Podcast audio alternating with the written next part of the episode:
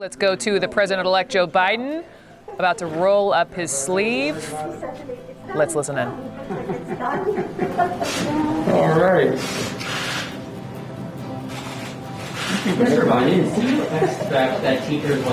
Dit is een waanzinnig moment.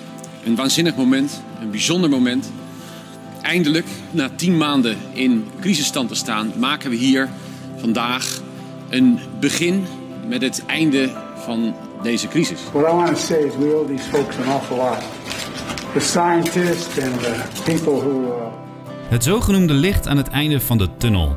Vorige week vingen we er een glimp van op toen de eerste zorgmedewerkers het coronavaccin kregen. We praten er vandaag over door met verpleegkundestudent Sterre Helmhout, die het vaccin kreeg van haar eigen moeder. Wij zijn Daniel Rommens En Kiri Stuy. en fijn dat je luistert naar onze podcast. A van A.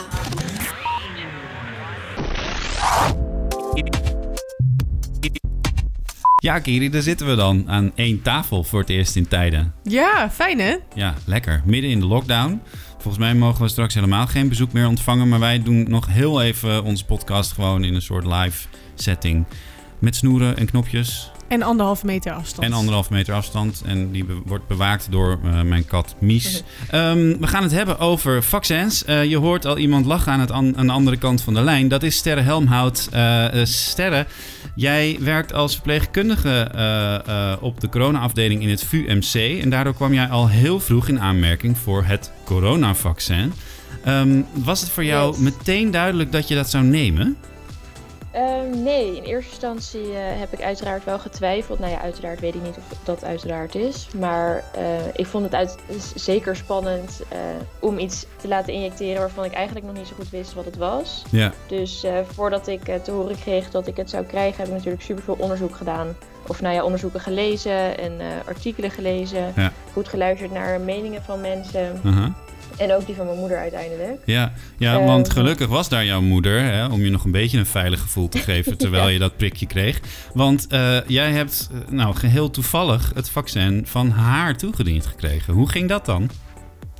Ehm, nou, op het moment eh, dat ik te horen kreeg dat ik het vaccin kon krijgen, was ik op de afdeling. En toen heb ik mijn moeder gelijk een berichtje gestuurd, want ik had het er eigenlijk nog niet met haar over gehad. Dus ik zeg, goh mam, ehm, zou ik het wel doen?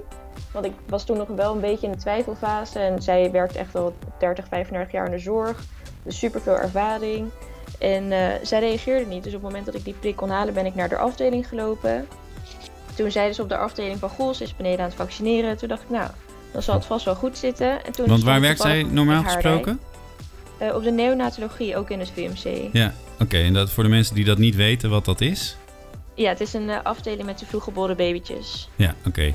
En waarom komt zij dan bij die vaccinatiestraat, als ik het zo mag noemen, terecht? Ehm, ik denk eh, dat ze een oproep hebben geplaatst eh, voor verpleegkundigen die niet uitgeleend worden aan ehm, eh, corona-afdelingen om eh, het vaccin te plaatsen. Oké, ja. Want in principe is iedereen die de verpleegkundeopleiding heeft gedaan ehm, gediplomeerd genoeg om dat te mogen doen. En toen stond jij zomaar in de rij bij je moeder voor dat historische vaccin. Hoe, Ja, hoe vond je het? Hoe was het om elkaar daar zo te zien? Ja, heel fijn. Ik was wel een soort van zenuwachtig om dat vaccin toch te laten zetten. Want ze zeiden van ja, je moet een kwartier blijven zitten. Eh, je kan misschien flauw vallen ervan. Nu ben ik zelf, heb ik best wel een hoge pijngrens en heb ik niet snel ergens last van. Maar maakte me dat me toch wel een soort zenuwachtig. En als dan toch je moeder daar zit die je de prik geeft, een soort van wel geruststelling. Heb je haar ook om geruststelling gevraagd voor de prik? Of gevraagd van, Dat van moet ik dit doen, mam? Of, eh, Ja, dat wel. Ik heb wel gezegd van, goh, mam, je reageerde niet. Wat vind je er eigenlijk van? En toen zei ze, ja, als ik er niet mee eens zou zijn, zou ik hier ook niet zitten. Dus eh, ik zou het gewoon nemen, zei ze. ja. Wat waren nou inhoudelijk jouw belangrijkste twijfels voor het nemen van dat vaccin? Ehm, nou, vooral de dingen die, eh, waarvan ze nog niet weten hoe het op de lange termijn reageert. Dus eh, qua vruchtbaarheid, ehm, eventueel kanker, dat staat zeg maar nergens, omdat het ook gewoon nog niet bekend is. Eh, Ja. Dat vind ik best wel spannend, want je, ja, ik wil later toch wel kinderen graag. Ja. En toch een lang leven. Ehm, dus ja, dat waren wel twee inhoudelijke dingen waarvan ik dacht, dat vind ik wel spannend. Maar je hebt dan ook weer de griepprik die ieder jaar opnieuw wordt ontwikkeld. En daar heb ik ook nog nooit iets van last van gehad. En die neemt ook bijna half Nederland. Dus toen dacht ik, ja, waarom zou ik dit dan niet nemen? En het is ook een soort doorontwikkelde griepprik, begreep ik toch? Het, uh, het dat coronavaccin. klopt, ja. ja. precies. Ja, want eh, wat was dan... eh, wat trok jou nou echt over de streep? Naast het feit dat het dus ook een beetje een griepprik eh, is. Dat ik toch wel wil dat eh, deze hele crisis snel voorbij is. En dat ik ook wel heel graag zelf niet ziek wil worden. En ook de mensen om mij heen niet ziek wil maken. Ik woon in een huis met meerdere studenten. En ik ga natuurlijk ook gewoon naar de supermarkt. Ik werk op een corona-afdeling. Dus het risico is wel gewoon groot. En ik wil niet mensen in gevaar brengen doordat ik het dan zelf straks heb. Nee, precies. Eh, jij bent niet de enige persoon die twijfels had of heeft over het nemen van dat vaccin. Eerder, toen de lockdown er nog niet was en er nog studenten op de campus waren, ging onze videomaker en onze redacteur Pascal de campus op om de meningen van studenten te peilen. Wie vind jij dat er voorrang moet krijgen voor een coronavaccin? Studenten of ouderen? Ouderen. Ik denk het zorgpersoneel. Dan moet je weer een afweging gaan maken met wie heeft nog het meeste recht om te leven of meeste, ja, kan er het meest uit halen. Dus dan zou ik jongeren gaan kiezen, denk ik toch. Ik vind dat ouderen voorrang moeten krijgen voor een vaccin, omdat dat toch wel de zwakkere doelgroep is. Ja, dat klinkt misschien een beetje hard, maar ouderen zijn al wat ouder. Dus eh, het zorgpersoneel heb je daarin iets harder nodig. Zou jij je laten vaccineren zodra dat kan? Uh, zeker niet als een van de eerste, eerlijk gezegd. Ik zou mezelf wel laten vaccineren, omdat er wel onderzoek naar is gedaan. En ze gaan niet zomaar iets in je lichaam stoppen. Hè? Ja, ik voel me gewoon fit, dus ja, ik zou niet weten waarom ik die vaccinatie nodig heb. Ik wil niet uh, speculeren of zo, maar je weet toch nooit wat mensen in je spuiten. Dus ik zou eerst kijken uh, hoe het bij een grotere groep zou gaan, of het allemaal goed gaat en dan uh, zou ik het wel doen. Pfizer is nou dan de grootste runner. Uh, die heeft heel veel rechtszaken. Uh, heel veel fouten gemaakt in de laatste decennia's. En waarschijnlijk de overheid kennen, dus zullen ze het op een gegeven moment ook wel verplichten. Anders zou je waarschijnlijk het land niet uit mogen voor vakantie. Dus uh, iedereen zou wel moeten uiteindelijk. Als het zo'n bedrijf is, nee, dan vertrouw ik het niet op en dan neem ik het waarschijnlijk zelf niet. En wat zou je ervan vinden als uh, een vriend of vriendin van jou zich niet laat vaccineren? Dat moet ze lekker zelf weten. ja, vind ik. Het is niet zo dat ik dan uh, niet meer met diegene omga of zo. Dat heeft uh, geen invloed op, nee. Maar ik denk dat heel veel mensen dat nu zeggen omdat het toch best wel nieuw is en spannend is. Maar als het er uiteindelijk eenmaal is en als meerdere mensen zich laten vaccineren, dat ze het wel zouden doen. Is voor mij een vrije keuze. Het is hetzelfde als ik mensen nu op straat zie lopen en dan je mag eigenlijk wel met z'n twee lopen, maar ja, ze lopen met z'n drieën, ja. Ja, dus ja, vrije keuze. Je bent zelf verantwoordelijk genoeg om aan te geven of je, daar ga ik tenminste vanuit, of je dus een klacht hebt of niet. En als je daar misbruik van maakt, ja, dan komt het waarschijnlijk wel terug naar je toe. Zo simpel is het. Je hoort de studenten van de HVA hier. Als jij door de security heen moet komen, waar zou je je drugs verstoppen? Uh, hoezo wil je zo graag horen? Ik ben bang als ik dat ga zeggen, dat, dat ze dan echt een rechtszaak tegen me aanspannen. Ja, oh, echt letterlijk. Welk meisje waagt zich nou in de wereld van lege pizzadozen en Playstation-avonden met energy drinks? ja, nou, nou wij. Wil je niets missen van het nieuws en de verhalen van de campus? Schrijf je dan in voor de nieuwsbrief op havana.nl. Ja, we praten met Sterre Helmhout, uh, HBO-verpleegkunde uh, student, moet ik zeggen. En uh, ja. jouw bijbaan is werken op de COVID-afdeling. Um, ik wil even met je bespreken. Er was laatst in het nieuws dat er meer zorgmedewerkers twijfelen over dit vaccin. Merk jij dat ook bij jouw medestudenten en bij jouw directe collega's? Um, nou, bij, vooral bij mijn directe collega's, de studenten op de afdeling waar ik werk, want het is ook gewoon een, een studieplaats. Die hebben wel allemaal ja gezegd tegen het vaccin. Maar ik merk dat de oudere garde toch wel twijfelt. Um, en toen ik uh, keek naar mijn oude afdeling waar ik heb gewerkt en waar ik stage heb gelopen, daar zie ik alleen maar berichten dat iedereen uh, het vaccin met liefde heeft ontvangen. Die denkt, ik wil gewoon graag uh, verder. Dus ik merk inderdaad wel twijfel, maar het is niet 50-50. Want het is meer, meer wel vaccin dan twijfel. Ja, precies. En je besloot om het toch te doen. Is dat bijvoorbeeld ook omdat je bang bent dat je anders niet naar het buitenland mag reizen of zo? Het Zoals wel, een van de jongens uh, net zei. Ja, het is wel um, ook een van de redenen, maar niet de meest voornaamste. Ik wil liever gewoon dat ik, uh, dat ik niemand in gevaar breng en mezelf vooral ook niet. Nee. En dat ik de zorg kan blijven uitvoeren die ik nu doe. Ja, precies. Ik ben ook wel benieuwd hoe het dan straks zou gaan. Hè? Of je straks nog naar een festival mag als je geen vaccinatie hebt. Of uh, de kroeg in of wat dan ook. Hoe zit het ja, eigenlijk ik ben met jou? Heel benieuwd. hoe zit het met jou, Kiri? Ga jij het uh, vaccin nemen? Nou, dat is nog wel lastig. Want uh, ze weten nog, het is niet helemaal zeker of zwangere mensen gevaccineerd mogen worden. Um, ik heb begrepen nu dat vrouwen die zwanger zijn en onderliggende kwalen, en dan voornamelijk hart- en longziekten, wel geadviseerd wordt om eh, de- va- Mhm. het vaccin te nemen, maar verder niet. Oké. Dus ehm, ja, eh, daar hebben ze niet op kunnen testen. Dus dat vind ik eigenlijk ook wel, eh, wel een reden om te zeggen... misschien moet ik even wachten tot eh, Ja. die kleine er is. Ik eh, ga eventjes tussendoor alvast, eh, want we gaan bellen met jouw moeder, eh, Sterre. Kijk, de telefoon gaat over.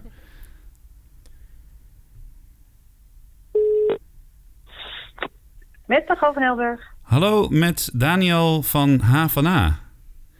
Bent u de moeder van Sterre? Ja, dat ben ik. Ja, we hebben net met haar even gehad over dat ze het echt vreselijk vond om, eh, om u tegen te komen bij die eh, Nou. vaccinatiestraat. Dat ze echt dacht, Oh, mam, mam, wat doe jij hier?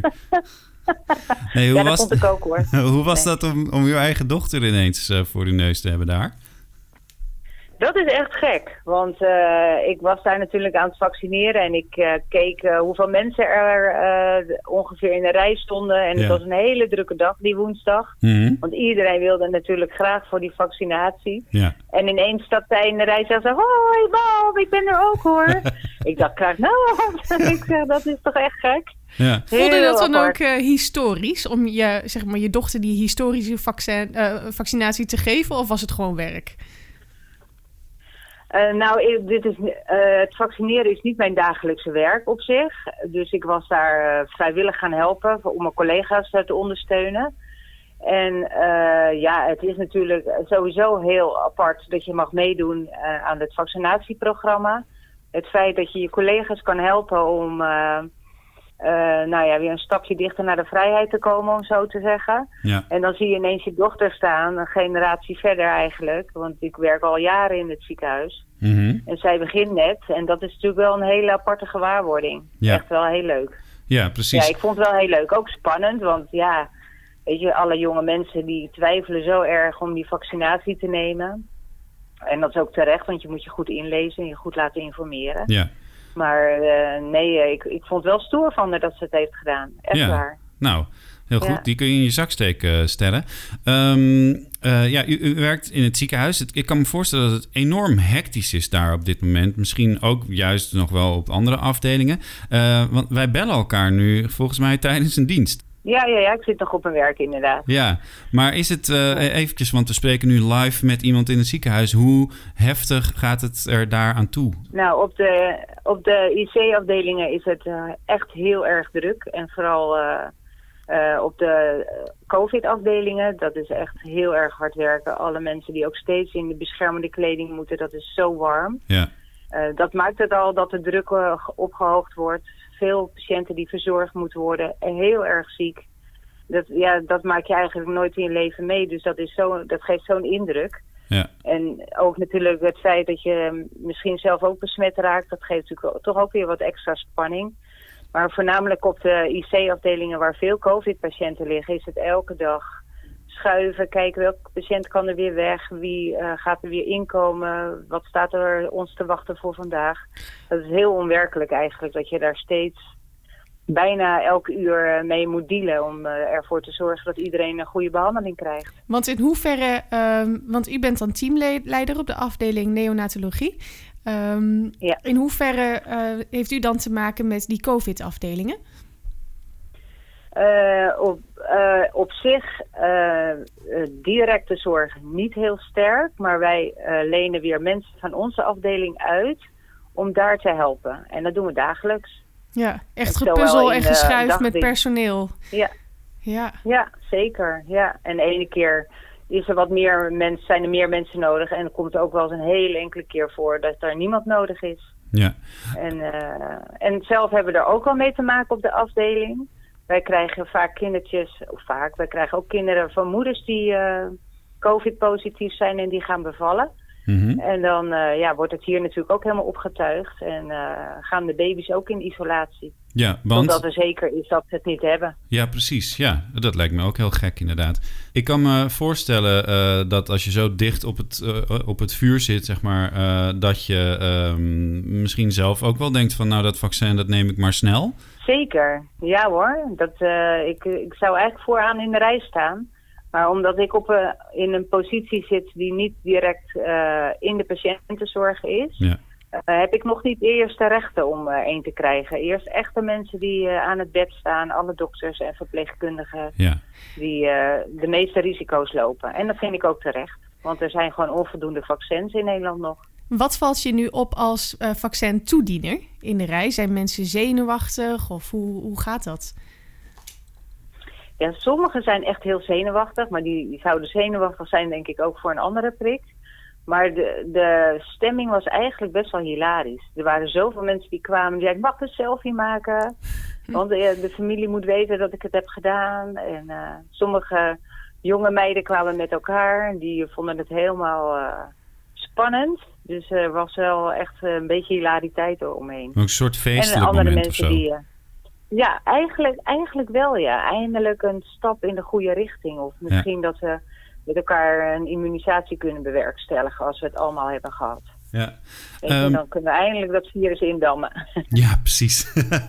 we, gaan, eh, we gaan u niet langer eh, storen, want eh, het zal hartstikke druk zijn daar eh, met al die mensen die u moet uitlenen. Ehm, dus ik ga dan eh, graag weer terug naar Sterren. Ja. Jij, jij werkt ook daadwerkelijk op die COVID-afdeling. Ehm, wat maak jij daar mee als verpleegkundige? Kun je uitleggen, dit is bijna een clichévraag, maar kun je uitleggen hoe een dag daar eruit ziet? Ehm, nou ja, je begint natuurlijk gewoon zoals elke andere dag. Je haalt je pak op beneden, want je moet gewoon wel je normale verpleegkundige pak aan. eh, in eerste instantie. Dan bespreek je met de, met de nachtdienst van goh, ehm, wat is er gebeurd in de nacht? Zijn er nog eh, bijzonderheden? Dan ga je de dag doorspreken met ehm, je medeverpleegkundigen die op de afdeling staan. Ehm, want soms liggen er veel mensen, soms weinig. Ehm, dus het kan zijn dat er één op één zorg is, maar het kan ook zijn dat je drie patiënten hebt. Eh, dan ga je ehm, naar, de omkleed, naar het omkleeddeel. Daar eh, trek je een ander pak aan, helemaal netjes corona-proof, dat je naar binnen kan. Eh, dus je doet een jas aan, een bril op, eh, handschoenen aan, het hele rattenplan. Eh, dan ga je dus naar binnen. Nou, ik, wat ik altijd doe is, ik check eerst even bij mijn patiënten. Eh, om acht uur begint de medicatie eh, delen. Maar toch vind ik het altijd prettig om eerst even te kijken van hoe gaat het, hoe liggen ze erbij. Ehm, zijn ze heel erg ziek of gaat het wel oké?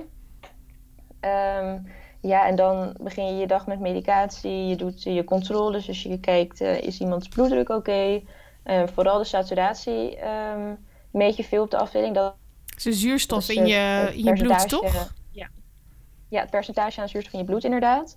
En de normale waarden zijn tussen 95 en de 100. Maar bij de coronapatiënten zien we vaak dat het rond de 90 schommelt, 92 vaak. Eh, en dit moet natuurlijk wel uiteindelijk weer omhoog. Ehm, en daar is dan een soort zuurstofplan ehm, ja, op aangepast dat die zuurstof dus wel hoger blijft. Maar dat is dus wat je veel controleert. Ehm, en dan begin je eigenlijk je dag. Je gaat iedereen lekker fris eh, wassen. Meestal even lekker onder de douche. Beetje menselijk maken. En dan eh, kijk je wat je verder kan doen. Het verschilt heel erg per dag. De ene dag eh, kan je rennend, eh, rennend de gang doorgaan. En de andere dag is het best wel rustig. Dat eh, fris onder de douche 's ochtends kunnen heel veel mensen in thuisquarantaine denk ik ook gebruiken, eh, Sterren.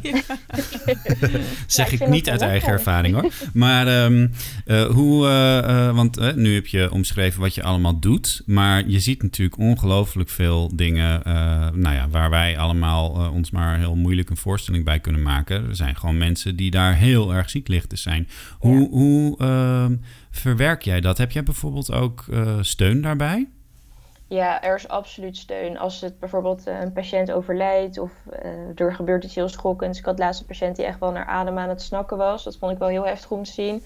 Dan kan ik daar wel met mede-collega's heel goed over praten. Of met mijn moeder, want die weet ook eh, hoe dat werkt. En ik vind het juist ook wel prettig om mensen... ehm, om daarover te praten met mensen die niet in het vakgebied zitten. Dus bijvoorbeeld mijn huisgenoten. Ehm, om het daarmee over te praten. Want zij hebben toch weer een soort van andere blik erop. Ehm, wat ook alweer fijn is, een soort van frisse wind erin vaak. Ja. En kun je het dan ook loslaten als je de deur achter je dicht trekt in het ziekenhuis? Eh, ja, meestal wel. En ik denk ook wel dat het nodig is in het vak. Dat je niet alles mee naar huis neemt, want anders wordt het denk ik wel heel zwaar. Ehm, maar er zijn absoluut eh, patiënten bij die ik nooit meer vergeet. Nee, zeker Zoals? Niet. Nou, je, ik heb ook eh, bijvoorbeeld op deze afdeling, maar ook op vorige afdelingen, patiënten die echt, echt heel erg ziek zijn of waar de familie ehm, echt heel erg verdrietig is. Of gewoon hele aparte verhalen. Maar echt ook blikken van mensen die je niet snel vergeet. Dat echt wel de angst of de dood in hun ogen staat. Ja, dat is niet leuk. Nee. Ehm, heb je, uh, zit het in de familie bij jullie? Bijna een rare vraag. Want, de zorg, ja, verpleegkunde? Um, nee, eigenlijk niet. Ja, mijn moeder is dan verpleegkundige. Ik kan me zo 1, 2, 3 niet, niet in de directe familie, nee. En ja, mijn, mijn, tante die werkt ook in de zorg, maar ik weet niet precies wat zij doet. Maar ik kan uh, me voorstellen dat je moeder wel vroeger met uh, verhalen thuis kwam... en dat je misschien wel daarom ook uh, voor dit vak hebt gekozen, of niet? Ja, het leek mij een heel erg bijzonder vak. Echt wel mensen... Ik ben een super zorg, zorgzaam persoon. Dus ik vind het altijd wel prettig om mensen een fijn gevoel te geven. En of dat nou in een ziekenhuis is of ergens anders... Maar in een ziekenhuis kan je toch wel echt iets betekenen voor iemand. Dus dat vind ik wel echt een hele mooie baan. Ja, dus later, als je klaar bent, later klinkt een beetje kinderachtig. Uh, wanneer ben je klaar met je studie? Hoe lang duurt Volgend dat jaar. nog? Volgend jaar. Volgend jaar, iets later, als je klaar bent met je studie, ga je dan ook echt in het ziekenhuis werken? Ja, ik denk het wel. Ja, ik wil denk ik nog wel uh, een master doen. Ik weet nog niet wat voor. Maar ik wil zeker in het ziekenhuis werken. Het heeft Ja. zoveel te bieden. Mooi toch ook wel, hè? Nou, zeker na deze hele pandemie, dat je nog steeds denkt, dat wil ik.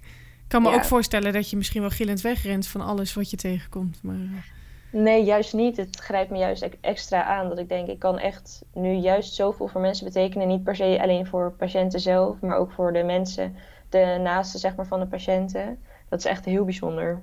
Ik zie heel veel eh, bij eh, mensen in beroepen zoals jij, maar ook in het onderwijs bijvoorbeeld, dat daar heel veel mensen zitten met een echt een soort roepingsgevoel. Eh, herken je dat? Is het voor jou ook een soort roeping? Ja, absoluut. Helemaal omdat het een bijbaan nu ook is. En ik Ja. studeerde het dan uiteraard wel. Maar ik had ook een bijbaantje in de, in de horeca kunnen doen. Nee, ik vind ja. het echt. eh, nou ja, dat kan nu niet hoor, maar... Nee. Goeie- goeie keus gemaakt. ja, precies. Ja, bij jou is het tenminste werk. Ehm, maar, eh, en, en heb je dan het gevoel... Want ik kan me niet voorstellen dat het, dat het eh, heel goed gewaardeerd wordt of zo. Of dat je, heb jij het gevoel dat, eh, dat er genoeg waardering is voor het vak van verpleegkundige? Het verschilt heel erg, want de mensen die ehm, het vak wat beter begrijpen, kunnen het ook meer waarderen. Eh, maar er zijn ook absoluut mensen die, waarvan ik denk, je hebt echt geen idee wat we aan het doen zijn. En het boeit je dan ook niet. Ja. Maar dat maakt me dan ook eigenlijk niet zoveel uit. Want het gaat mij er meer om dat, het, dat de waardering komt van de mensen in je directe omgeving. En vooral ook van de patiënten en de familie van de patiënten. Dat je daar echt kan zien van ik heb echt iets gedaan wat hun beter heeft gemaakt of wat hun heeft geholpen. Ja, het is mooi dat je bij het woord waardering helemaal niet aan geld denkt, maar aan menselijke waardering. Ja, nee ja, anders moet ik een ander beroep kiezen als ik rijk had willen worden. Ja, maar vind je dat eh, niet gek? ik vind het, ja, ik vind het wel degelijk wel gek, maar dat geldt hetzelfde voor politie en brandweer. Het zijn gewoon beroepen waar je zelf ook je leven voor kan geven. Ja. Ehm, ja, zeker. Absoluut.